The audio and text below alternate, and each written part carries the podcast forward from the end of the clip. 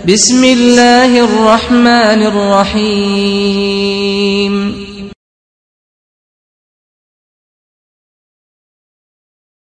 Allahu Akbar. Ada seorang suami yang berniat poligami.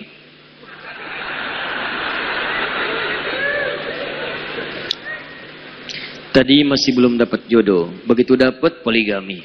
Luar biasa. Namun istrinya tidak mengizinkan suaminya nikah lagi. Bahkan jika suaminya nekat menikah lagi, maka istrinya minta cerai. Mohon sarannya Ustaz. Taib. Teman-teman sekalian, pertanyaan pertama. Kalau ingin mengamalkan segala hal, coba antum jangan langsung ambil hukumnya, tapi turunkan dulu turunan-turunannya. Itu poinnya. Apa di antara turunan poligami? Misal kita ambil Quran surah keempat. Dari ayat yang ketiga. Teruskan sampai ayat keenamnya. Biasanya ibu-ibu suka loncat ini. Begitu baca ayat satu, ayat dua langsung empat gitu kan. Eh, papa mau pengen setoran Quran. Baik, baca mah surat An-Nisa. Masya Allah. يا أيها الناس اتقوا ربكم الذي خلقكم من نفس واحدة وخلق منها زوجها وبث منهما رجالا كثيرا ونساء واتقوا الله الذي تساءلون به والأرحام إن الله كان عليكم رقيبا ayat kedua lancar langsung ayat keempat wa atun nisa sadaqatihinna nihlah Hah? kok ayat tiga nggak dibaca mah buat papa Masya Allah ayat ketiga tentang poligami فإن خفتم ألا alla في اليتامى فانكحوا ما طاب لكم من النساء مثنى masna wa. Lihat baik-baik jika Anda khawatir bahwa dalam kehidupan rumah tangga itu Anda punya amalan-amalan lain yang amal ini nggak bisa Anda kerjakan kecuali menuntut bertambahnya istri. Jadi memang Anda tertuntut mengerjakan satu amalan yang nggak bisa Anda kerjakan sendirian dengan istri Anda. Perlu ada bantu yang lainnya bagi pasangan Anda. Kalau istri nambah suami, mustahil. Nggak bisa. Tapi suami nambah istri memungkinkan. Tapi kapan menambah istri itu? Ketika ada amalan-amalan dalam syariat yang menuntut Anda untuk bisa mendapatinya. Contoh, di masa Nabi kasusnya anak yatim. Anak yatim kasusnya. Nah, lihat baik-baik ini. Ini yang paling indah. Jadi, Begitu ada dua orang berumah tangga di masa Nabi SAW, itu tugas pertamanya adalah memberikan tarbiyah dulu di rumah tangga. Apa kewajiban suami, apa kewajiban istri. Apa hak suami, apa hak istri. Hak dan kewajiban ini bukan cuma urusan dunia, tapi mereka membuat visi yang mengantarkan mereka sampai ke surga. Misal, mah, ini Allah titipkan mamah kepada papa, supaya papa bisa memberikan perawatan kepada mama yang bisa mengantarkan ke surga.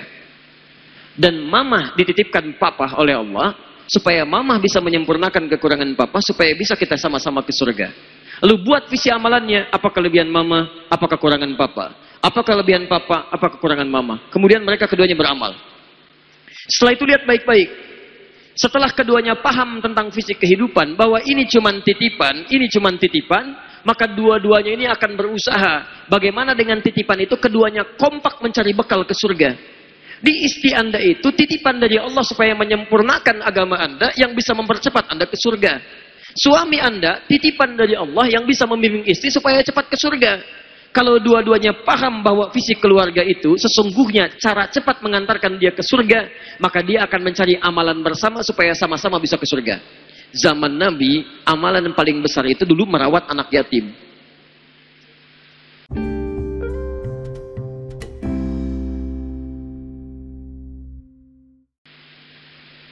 Dulu, banyak para sahabat yang meninggal dunia karena jihad. Istrinya merawat di rumah, si fulan meninggal, punya meninggalkan anak, ada delapan anak, ada sembilan anak, ada tujuh anak, ada lima anak. Dibangunlah kemudian visi ini oleh rumah tangganya. Lihat baik-baik. Saya ingin merawat anak yatim itu. Saya ingin merawat anak yatim itu. Saya ingin merawat anak yatim itu. Ada ini ada yang sembilan anak, ini yang delapan anak, ada yang tujuh anak. Lihat baik-baik. Ketika ingin dirawat oleh si fulan, dia tidak bisa mampu memperhatikan seluruhnya. Yang ini kelihatan, yang ini tidak. Yang ini terawat, yang ini tidak. Maka turunlah kemudian ayat dalam Al-Quran salah satunya. Jika ada seseorang ingin berbuat amalan-amalan baik, merawat anak-anak yatim ini, kalau dia tidak bisa merawat sendirian atau bahkan dengan istrinya, maka silahkan Allah perkenankan mencari istri yang lain untuk dalam motivasi merawat anak-anak yatim ini. Maka didiskusikan dengan istrinya, mau nggak ada amalan ke surga? yang mengantarkan kita dekat dengan Nabi Sallallahu Alaihi Wasallam. Mau nggak jadi tetangga Nabi? Bukankah Nabi mengatakan, Ana wakafilul yatimi kahataini fil jannah. Saya dengan pemerhati anak yatim akan seperti ini di surga. Tinggalnya dekat begini. Didiskusikan dengan istrinya. Maka dia berkata, kalau di dunia kita bersama Nabi, masa di akhirat kita terpisah? Baik, motivasinya kemudian diterima si fulan menikah lagi bukan ingin menghadirkan syahwat dunia. Bukan sekedar ingin dapat pasangan baru, bukan sekedar ingin dapat calon yang baru, bukan. Tapi motivasinya yang dibangun visi akhiratnya. Bagaimana dengan poligami ini kita mendapatkan langkah ke surga.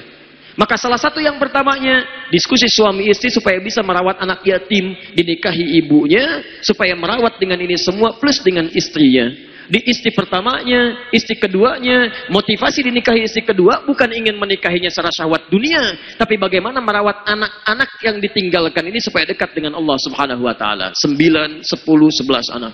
Itu poinnya. Diwajar kalau orang dulu itu kadang-kadang ketika menikah dia nggak pilih-pilih. Mau cantik, mau setengah cantik, mau kelihatan kurang cantik, karena motivasinya bukan karena cantiknya, motivasinya adalah ada anak yang harus dirawat. Coba cek lagi. Nah, barangkali saya mungkin punya kesimpulan kalau teman-teman yang ingin poligami ini kemudian dapat penolakan dari istrinya karena membangun visi akhirat dan tarbiyahnya belum maksimal. Coba dicek dulu teman-teman sekalian. Cantik itu memang relatif, kalau jelek itu mutlak, kata pada sebanyakan orang. Tapi poinnya bukan terletak pada cantik dan jeleknya. Poinnya adalah antum itu menerapkan syariah cuman ingin pengen nikahnya saja atau ingin membangun nilai-nilai ketaatan kepada Allah. Kalau itu dibangun dengan ketaatan kepada Allah demi Allah saya katakan, Allah akan berikan jalan bagi Anda. Allah akan berikan jalan bagi Anda. Ya, jelas ya? Itu cuma contoh, turunan lainnya banyak, ya. Sudah ya? Alhamdulillah. Dibuka dengan pertanyaan cari jodoh, ditutup dengan poligami. Tayyib.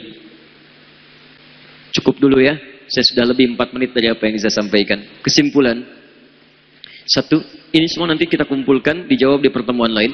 Kesimpulan pertama, kitab ini, insya Allah, pelajarannya akan membimbing kita untuk menghindarkan diri dari dosa-dosa yang sangat tidak disukai oleh Allah.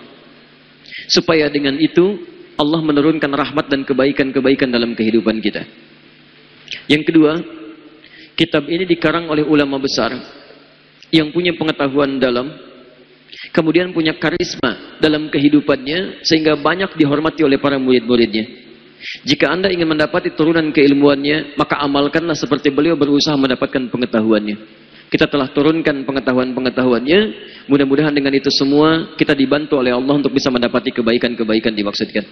Terakhir, insya Allah saya akan kirimkan khusus untuk wilayah Lampung. Ada sekitar 700 buku nanti saya titipkan Susulan dari yang dulu namanya Kitab Al-Majmu' ya bekal Nabi bagi para penuntut ilmu. Nanti kami kirimkan, mudah-mudahan bisa dipaketkan. Silahkan nanti diatur saja bagaimana baiknya, apakah nanti dari wilayah atau per masjid dan sebagainya. Yang pasti kami coba siapkan kuota sebanyak 700 buku. Gratis, tidak diperjualbelikan. Ya, dan sudah ada yang beli, antum tinggal ambil saja dan coba silahkan pelajari dengan baik. Yang kedua, insya Allah kita akan mulai pendidikan kadar ulama di bulan ini bertempat di Bekasi dan kami sudah mendapatkan satu perwakilan dari Lampung ya. Kalau barangkali ada satu lagi nanti kami coba tunggu. Syaratnya akan lebih baik kalau hafal minimal 15 juz Al-Quran dan ada sedikit basic bahasa Arab. Itu insya Allah akan dididik selama tiga bulan. Ada masyayikh, syekh-syekh juga dari Timur Tengah. Pendidikannya gratis. Kami berikan tempat tinggal yang layak. Insya Allah kebutuhannya juga diberikan termasuk tiketnya nanti kami tanggung untuk bolak-balik dan sebagainya. Ya, jika ada yang harus kemudian jadi beban, semacam kalau kuliah nanti kami bayari kemudian uang semesternya untuk kemudian fokus belajar. Kalau ada tuntutan pekerjaan, kami akan tanya berapa penghasilannya selama sebulan, kami ganti penghasilannya supaya keluarganya itu bisa tenang untuk merawat anak-anak dan suaminya bisa fokus untuk belajar. Ya, dan yang terakhir, insya Allah teman-teman sekalian, pada pertemuan yang akan datang kita akan kembali melanjutkan kajian kitab ini nanti kitab ini saya akan coba copy. Ya, setiap kita belajar, nanti bagian kitabnya saya kopikan. Nanti insya Allah akan dibagikan pada teman-teman semua, sehingga yang belajar itu punya catatannya. Ya, insya Allah ini masih asli, masih bahasa Arab. Ya, masih asli itu. Ya. Dan setiap kita pelajari, saya kemudian terjemahkan, saya berikan pemahamannya, sehingga mudah-mudahan dengan pelajaran itu pun kita bisa memahami dan menambah kosakata dalam bahasa Arab kita. Demikian saya sampaikan, jika ada benar dari Allah dan Rasulnya, kalau salah dari saya pribadi mohon dimaafkan. Subhanakallahumma wa bihamdika asyhadu an la ilaha illa anta astaghfiruka wa atubu ilaik. Wa akhiru da'wana alhamdulillahi rabbil alamin. Allahu minkum. Assalamualaikum warahmatullahi wabarakatuh.